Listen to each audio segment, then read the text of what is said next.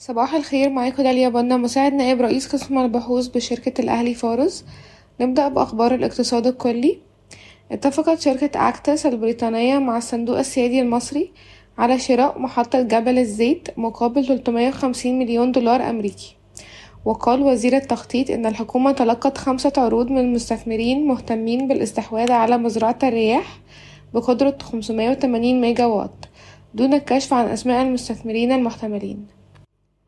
اتفقت الحكومة مع الصناديق السيادية الخليجية المستثمرة في الشركات المصرية على بقاء أرباحها من تلك الشركات في مصر لمدة ثلاث سنين. الحكومة تطلق منصة رقمية للاستثمار البيئي والمناخي وستعمل المنصة على ربط المستثمرين بالمشاريع الخضراء وربط رواد الأعمال والمطورين بالممولين والمستثمرين والمؤسسات الداعمة. أما بالنسبة لأخبار الشركات فقد قمنا برفع القيمة العادلة لشركة مصر الجديدة للإسكان والتعمير إلى 18 جنيه وأربعة وتمانين قرش وحافظنا على توصياتنا بزيادة الأوزان ورفعنا القيمة العادلة لشركة مدينة نصر للإسكان والتعمير إلى خمسة جنيه وأربعة وعشرين قرش وقمنا برفع توصياتنا إلى زيادة الأوزان. نتيجة لتقييم قطع الأراضي الخاصة بالشركتين باستخدام الأسعار بناء على العرض المقدم من الهيئة القومية للتأمينات الاجتماعية لشراء قطعة أرض هيليو بارك التابعة لشركة مصر الجديدة للإسكان والتعمير بمساحة سبعة فاصل واحد مليون متر مربع مقابل خمستاشر مليار جنيه مصري. استحوذ جهاز مشروعات الخدمة الوطنية على حصص أقلية في ثلاث شركات للصلب بالقطاع الخاص مملوكة لمجموعة بشاي للصلب وباعت الشركة ما يصل إلى أربعة وعشرين في المية من حصص كل شركة من الشركات الثلاث مقابل نحو عشرة مليار جنيه.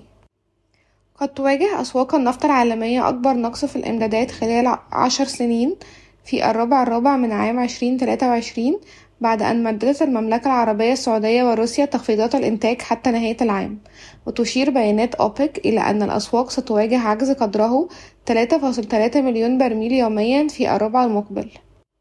أوضحت شركة دومتي في بيان أمس أن هيكل ملكيتها لن يتأثر ببيع 24.6% من أسهم الشركة من أسهم عائلة الضماطي لشركة للشركة الدولية للاستثمارات الألبان. حيث أن الشركة الدولية لاستثمارات الألبان هي مملوكة بالكامل لعائلة الضماطي ولا تزال العائلة تمتلك نفس الحصة في ضمتي من خلال ملكية غير مباشرة. يتم تداول السهم حاليا عند مضاعف ربحية لعام عشرين تلاتة وعشرين أربعة فاصل واحد مرة.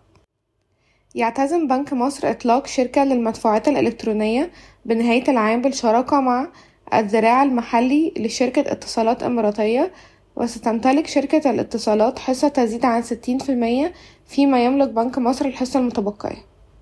وقع جهاز تنمية المشروعات الصغيرة والمتوسطة متناهية الصغر عقد تمويل جديد مع شركة ريفي لخدمات التمويل متناهي الصغر بقيمة مية وخمسين مليون جنيه.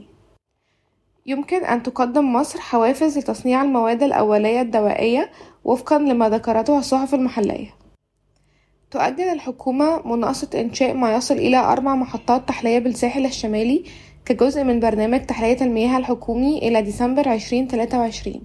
والذي كان من المقرر أن يبدأ في الربع الثالث من عام عشرين تلاتة وعشرين في انتظار اكتمال عملية تخصيص الأراضي.